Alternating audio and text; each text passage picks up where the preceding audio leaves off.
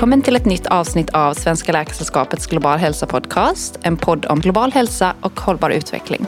Mitt namn är Agnes och jag jobbar just nu som underläkare. Och med mig har jag Anna heter jag. jag jobbar som AT-läkare, är ordförande för Svenska Läkaresällskapets eh, kommitté för global hälsa. Ja. Och eh, idag så kommer avsnittet vara på engelska. Och det är för att vi pratar med eh, två doktorander här på Karolinska institutet om decolonizing global health. Ja, och vad är då decolonizing global health? Oj, det, det är ju jättebrett. Eh, men man brukar beskriva det som en rörelse eh, där man bemöter eh, ojämlikheter i, i samarbeten, forskningssamarbeten till exempel, som har uppstått på grund av koloniseringen i världen. Och vi kommer att prata lite om eh, på vilket sätt det påverkar forskningen idag, men kanske framför allt vägar framåt och vad man kan göra åt det. Mm. Ska vi köra? Ja! Hi guys and welcome to the Swedish Global Health Podcast. Hi, thank you. Thank, thank you for having us. Uh, thank you for having us. Mercedes and Rosario, we're colleagues at the Department of Global Public Health. Uh, we're all PhD students, or at least we three are it.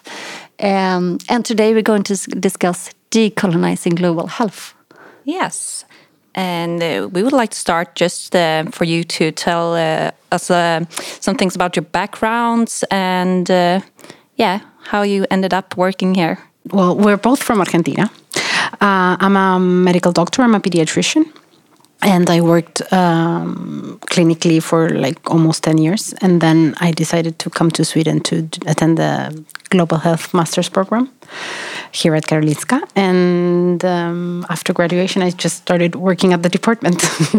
um, I was always interested in public health in general uh, throughout my um, my bachelor's. But then I think um, I specialized in development. So I worked with um, children with multiple disabilities. Mm -hmm. And I I was more interested in um, in doing research and uh, developing policy, hopefully someday, uh, on uh, inclusion of children with disabilities. So that's how I got more of an appeal to the global health field. Mm. Hi, I'm Mercedes. I'm also from Argentina. I'm a political scientist, actually. Um, I have a, yeah a master's um, in cultural studies, so it was not a straightforward uh, path for me to come here. Uh, but I work in sexual and reproductive health and maternal and neonatal health in a research center in Argentina, and there we're working on implementation research, and through that I got to KA. Mm. So what I my motivation in global health is more related to well, as a political scientist, I love the fact that in order to think global, we need to think about power relations, inequalities, and that's what I'm trying to do in my PhD. Mm. And that brings us forward to decolonizing global health, which is much about power structures, etc. Would you like to sort of just briefly describe what it is for someone who hasn't heard about the concept before? Yeah first of all uh, to uh, like some um, things that we would like to raise first of all this is our perspective we are both from uh, a country that has a very strong tradition in critical thinking mm. so that this is our stance i would say mm. in in decolonizing global health and i'm mm. pretty sure that different students and professors here may have another point of view hmm. so i think it's worth mentioning that but what we're doing here um, and and how uh, we came to uh, be interested in this topic is uh, we are uh, holding a lot of talks through journal clubs uh, here at KI focusing on decolonizing global health. And it's important if people have not heard about it. It is a call in the field of global public health through seminars, conferences, journal articles, papers, um, conferences, including one at KI, I think, but many yep. other universities, about the terms in which we are discussing global health mm. and the impact that colonialism had and has in the way we think about it. Hmm. And so I think that the colonized global health is more a perspective. You know how you, we say, uh, for example, in feminism and in gender inequality, that it's a pers cross cutting perspective we should have when approaching health issues? Well, this is more um, like a perspective, not a thing that we are going to say, oh, this is decolonizing global health, this is how we solve it, but rather uh, a lenses, a pair of lenses that we wear, that we wear to approach health problems in global public health. Yeah, um, I don't have much much to add, but I think that that's a lens through uh, which we see our work. Really, I mean, what we what it is that we do, and I think that it is important, as Mechi said, um, clarify that this is our perspective coming from a country that was colonized and it's still neo-colonized, if you will. And of course, it's not the same perspective of someone who comes from a high income country or developed or whatever it is you want to name it. Um, but I definitely think, yeah, it's a critical way of thinking. Um, the research that we do, why do we, do we do the research that we do? Why are the topics uh, Why they're chosen. exactly Yeah. or funded even? Or funded. Um, yeah, definitely. yeah. and and also it's um, it's about about the history of how global public health Came about. Yeah, exactly. So if we, we think about colonial relations and we think about the impact that they still have in global public health, we should talk about imbalances in partnerships. We should talk about imbalances in authorship. We should talk about the foreign gaze that uh, we have when we write articles about context we have not lived in, imbalances in the way we think about education and how we think, I don't know, people from other parts of the world come to Europe to receive an education, how we think about these things is very much related to the effects that colonialization had and still have. And mm. those are the topics that the literature on decolonizing global health has, you know, focused in, I mm. think. Mm. So it's it's a lens that we need to have, uh, or at least can have, in all of our work, and it stems from inequities from colonizations, uh, or that uh, the colonization process. How would you like if we would name three inequities that do exist? I mean, it's a difficult question, but I think maybe it makes it more tangible for people. What are like the heritage of colonization In global public health. in global public? health? Well, um, so there is one author that I like very much. It's called Abimbola. He talks about, for example, um, the imbalances on authorship. So most of the research is done in what is called, and we should also talk about the way we um, Call countries call countries, but it's regions. uh, yeah, exactly. But it's done in low and middle income countries. However, most first authors in papers in high impact journals are from high income countries. That is one clear example of the inequality. And I would also say that uh, these authors, it's very interesting what they mention because, for example, who sets the agenda of what we are going to study? In general the funders. And the funders are in high income countries. And then they may end up um, studying something in a low income country that is not a priority for the people there. So who decides in ba- based on what um, it's also very important and also what for so the research that we do how is it relevant for the context in which you collect your data? Is that that you go into a low uh, income country, collect your data, you get your PhD, you're out, or how that knowledge then it's helps to build? I don't know. Um, you know, local capacity. Does it? How? Do we pay attention to those things apart from the fact that we have to include them in the applications to get paper. fund? Yeah. like how do we go about those th- things uh, those inequalities is essential to think about the colonizing global public health Um, I think it's um, I don't know, I, I, it's quite evident, at least to me, that research goes uh, is a unidirectional thing. So you have uh, researchers from high income countries or more developed or whatever again how we name them the global north um, coming into um, more low resourced uh, settings, if you will, um, to do to conduct research, but we never see it the other way around. So I think um, this is something that's yeah that's that's quite evident and uh, should be addressed or at least should be discussed why does why mm. does this happen. Mm. And i think we should also go back to how global public health was uh, mm-hmm. born mm-hmm. and mm. uh, try to reflect a bit on that and critic and criticize it. And how was it born? well it was born Long story short. uh, as um, as a way of colonial countries to maintain the health of their population in the country that it was colonized. Uh, and then I think through the years, the name, the naming of the area changed, but not the roots. So that's I, Difficult to change the rules. Exactly, They will be completely. there. And also, when we talk about global and we talk about public, we think as this universality, you know, uh, of humanity. But what are we really talking about? Uh, are we talking about global, like universal values? Because it's very difficult. And in fact, as, as Ros said, um, there is a, there are hierarchies, and there are, uh, you know, uh, this um, I, uh, Eurocentric, let's call it, uh, imaginary of of men, and I say men because it it was uh, that was very important when global health uh, was born, uh, and that still persists. So so yeah.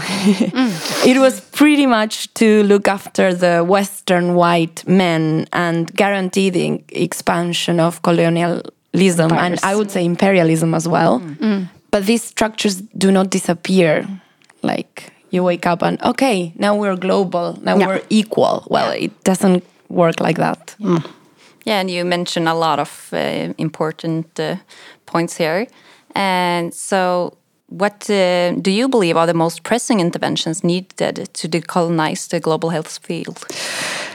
that's a very difficult question. Yes, it's a big. Uh, yeah i don't have the answer for that i think Yeah. um, this is also very helpful uh, like as a as a starting point um, having spaces to discuss this kind of things and also i think it's a never ending process probably because um, as with feminism Exactly. you con- you, you have you conquer rights and then you still have to fight for them and then some other things that you hadn't think about previously come up Yeah. so um, I think it's a, con- a continuing process in which we have to critically reflect on everything we do, uh, we say, and we write and publish. Um, yeah, to to decolonize. yes, and have the critical eye on all. Exactly. Of course, we we have read a lot of um, you know proposals. Uh, so so the literature on, on decolonizing global health has been thinking of ways or well how how do we do it? Like how do we ensure that people from uh, low income middle income countries get the same opportunities? So what do we do? Do we blind applications? Uh, do we ensure that people that are in local teams are uh, first author or second author of a paper? Um, do we make students read about the history of global public health before sending them to a setting that it's not their own? Do we, um, I don't know, do we contact local consultants before uh, flying someone from the other side of the world? Do we, uh, you know, train people, or, or, or for example, do we want people working on data in a low income setting to actually live there, even though they are from Europe. So there are things that have been um, present and proposed, but it's not a magical solution. And I think that it's not about only changing the content, but also the terms in which this discussion. That's is- what I was going to say because you can do all those things. I mean, you can train, um, I know, high income uh, country students to be sensitive to local culture and to, you can ask them to live in the place where they're doing research. But that doesn't change the power dynamic because the, there's still the high income country researcher coming to the low income country to help and to assist. And that creates, and that's what we were discussing, I think, earlier today. Also, I mean, colonialism has a how would you say a col- colonizador? Ah, yeah. So that people that have been colonialized. Yeah. Yeah. So the, the, um, the, the there is the mindset is exactly like with like there is a with- colonial Like mindset it's in the internal, Yeah. internalized. But it is. I mean, Yeah. You you can still see it, at least in our country. Because it's you a can still system. see it. Yeah. So people feel um, Less. less Mm. like less worthy. So our our um, universities, our research institutions are not enough. We need help from outside, Mm. and that doesn't happen the other way around. So I I think until we don't like, Change. change this dynamic, mm. everything else is, seems like a bit tokenistic. Yeah. And, and also, it's, this is very important because this is not about pointing fingers. This is not about oh you are to blame and we are the victims because that doesn't It's help. internalized in all of us, like like feminine yeah exactly it's a system of thoughts beliefs and ways of seeing the world that we all have inside Yeah, uh, we reproduce. Exactly. It's not that uh, it's someone's fault and then no, it's a system very much like patriarchy or racism. Yeah. And so so I think that's the challenge to change the mindset. Yeah. And for that we can do things like this, but it's a continuous practice, like every day and an exercise of reflexivity, I would say. Yeah. I'm thinking, um, how would you, at least from my perspective, I'm uh, doing my PhD in the country I'm native to, uh, meaning Sweden. Uh, I th- I've been thinking a lot about bilateral collaborations, like how to make equal partnerships. Would you see that as sort of part of the solution, or is that more like an end goal? Like in, in my world, I would like to be equal to my colleague. Of course, yeah. I think, I mean, it is the end goal, of course. Yeah. Uh, or at least it's the aim that we have to keep in mind. Mm. Um, I think it's also a process and that it's not independent from all the other inequalities between countries. So it's very difficult to create an equal partnership Mm-hmm. between, let's say, I don't know, Sweden and Argentina, if there aren't other inequalities that are also addressed between Mm. these countries. So the power dynamics, it's not only in the global health uh, sphere, it's larger than that. So I, in that sense, I think it's a bit more um, difficult. But anyway, I mean, we have to keep it in mind. And Yeah. at least from my perspective, a part of being part of the movement, I don't feel um, as if I'm part of the decolonizing movement. Um, I just feel this is the way that I see the world and think about it. And each of us has to do at least a small part. So keeping this reflexive exercise in mind and trying to implement it in our real life research. Yeah. Speak our our minds in, in, in Exactly. I live in in Argentina, and my research is there, uh, and we have partners from all over the world, um, including Europe. And it's also about speaking your mind. Like in, in this country, this the, this is done this way, and it's valid, uh, which is not always easy. But I think it's also very, you know, valuable. Like you can actually learn something from this too. Mm. It's not just the way around. It's not just that I'm coming to mm. Sweden to do my PhD and I have to learn a lot of things, sure. Mm. But at the same time, we bring something. Yeah. It's a change in the attitude, uh, really. Yeah. Exactly. And do you have any examples of any well working partnerships or? I think Mechi does. I have one. Yeah. So we are working on an implementation project with um, an institute in Paris, KI, uh, WHO, and four countries Burkina Faso, Vietnam, Thailand, and Argentina. And I think in our research, this um, so we like national teams we carry out the implementation according to our previous knowledge expertise values and we feel really listened to in the team. And we have actually a space to do things our way and at the same time to collaborate. And i'm having so much fun with this and it's an incredible experience. And of course this does not solve um, you know the problem of decolonizing global health because it's like trying to uh, solve these huge inequalities that but in this case my experience is that we can bring a lot to the table as well. And and I feel that, you know, our European partners see that, which is not always the case. So I'm very happy about it.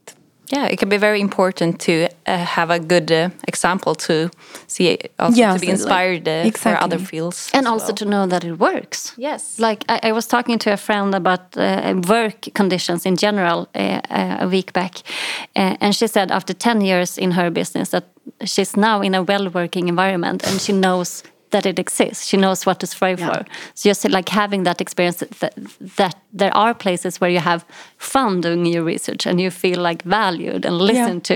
Yeah, so it's- important. It's so important. It's really I I feel that I was lucky in a way, but also it's a lot of work. We have to work, uh, and and you know, collaboration is not a piece of cake. And there are, uh, you know, friction. There is friction. There, there is. Um, sometimes you you're afraid to speak your mind. Sometimes, but it's you know a work in progress and an attitude towards it that I need. I think it's it's very important to keep in mind how do we want to collaborate yeah. in global public health Yeah. And uh, there are a lot of uh, students and uh, young professionals who are very interested in global health. And do you have any tips for these people who wants to start getting engaged in the field? Um, I'm I'm a nerd so I would say first of all read. No but I mean That's amazing. uh, read read about the history. And we have to read so many things. I feel like like we have read so little about it. Um, and so my first uh, advice would be read about the history of global public health and read about what others have thought about it. Uh, there are a lot of papers that are very very interesting especially in bmj i think that addressed the topic of decolonizing global public health from various perspectives like authorship gaze education interventions um, P- sandwich phds uh, etc that are worth uh, and then i would say discuss but first read. I would say first reflect on why do you want to do global health. No, but first, I mean, I think sometimes it happens to all of us. Uh, you have that uh, perception that you're gonna make the world a better place. Save the world. exactly. Yeah.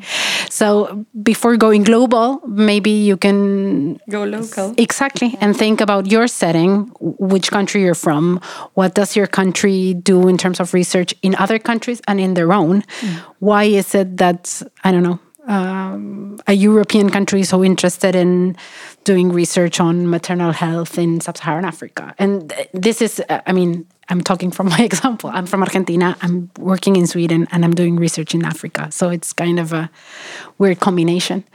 But I would ask them to really critically think if their intention is to go and save the world maybe they should read then a bit first um, and and come into global health with this critical mindset i think it would definitely be, be my advice That's good advice.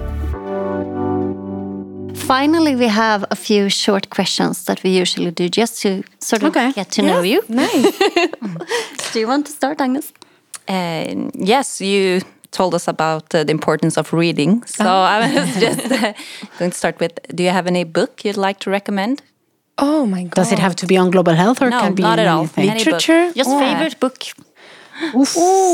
Um, wait, how to think. Well, I have a very good book to recommend from our country, which yeah. is Which one? has been translated into Swedish, so you can find it. Las Malas. I don't know how it's called now in Swedish, but I can definitely look it up. oh i have another I one have the author, Swedish version. maybe- So the author is uh, Camila Sosa Villada. She's a trans woman uh, from Argentina, and it's her experience, kind of, in her early years in in a in a city in Yeah. in, in Argentina. it's So tough but good It's, very, good. very good And she came to present it um, last year into Stockholm, and it's translated into Swedish. So Okay, I have another one that has been translated into Swedish. Um, Los Llanos, S- Stadland, um, by Federico Falco. And actually, it's very funny because it's about grief and a man that breaks up with his boyfriend and goes in the, to the middle of the countryside to grieve, and it's called Stadland uh, in Swedish. And the first language that they translated to was Swedish, which Wow. was you know Surprising. because it's not Yeah. a very famous author, but I love it. So there we have Swedish recommendations. I wouldn't have thought that. Wow, yeah, much appreciated. um, could you tell us about one person that inspires you? Eva. Cristina. Okay, We're um, not the best. to ask. Um, so okay, I mean, it, they are two women from our country. yeah, two presidents from our country. No, one one president and one. Uh, yeah.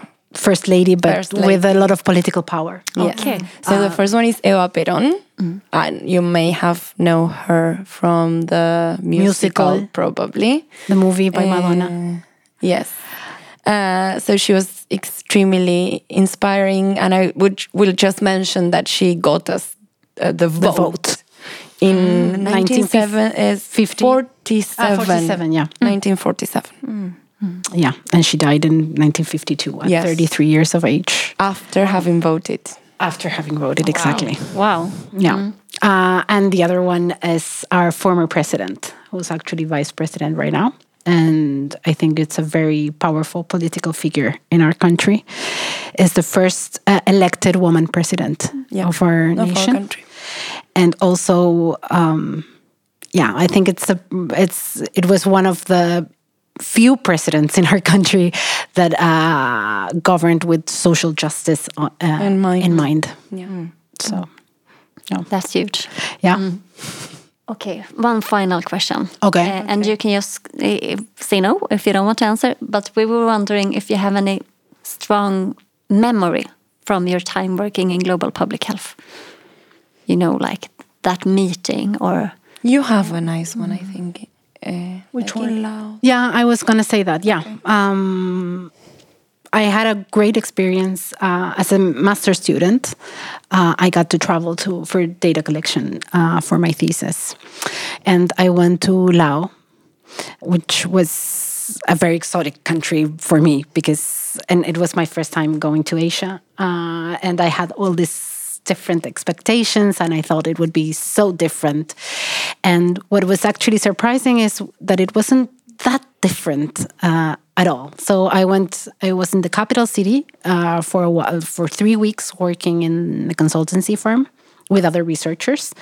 And I thought, I, I felt I fit right in. It was kind of a similar um, society or like way of being that uh, that I couldn't really uh, relate to being from Buenos Aires. And then um, I also got to travel and like in the northern part of the country, and it also reminded me a lot of uh, like well the the huge inequalities within a country. So we have a very unequal country as well. So and I also got to travel in Argentina quite a bit and work a bit in like more remote areas.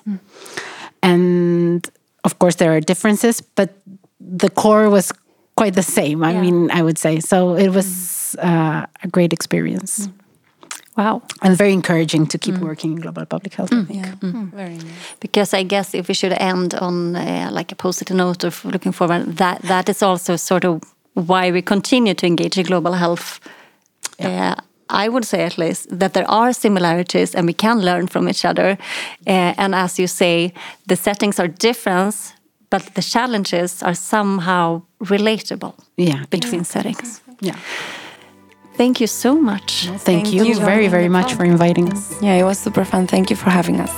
Thank you.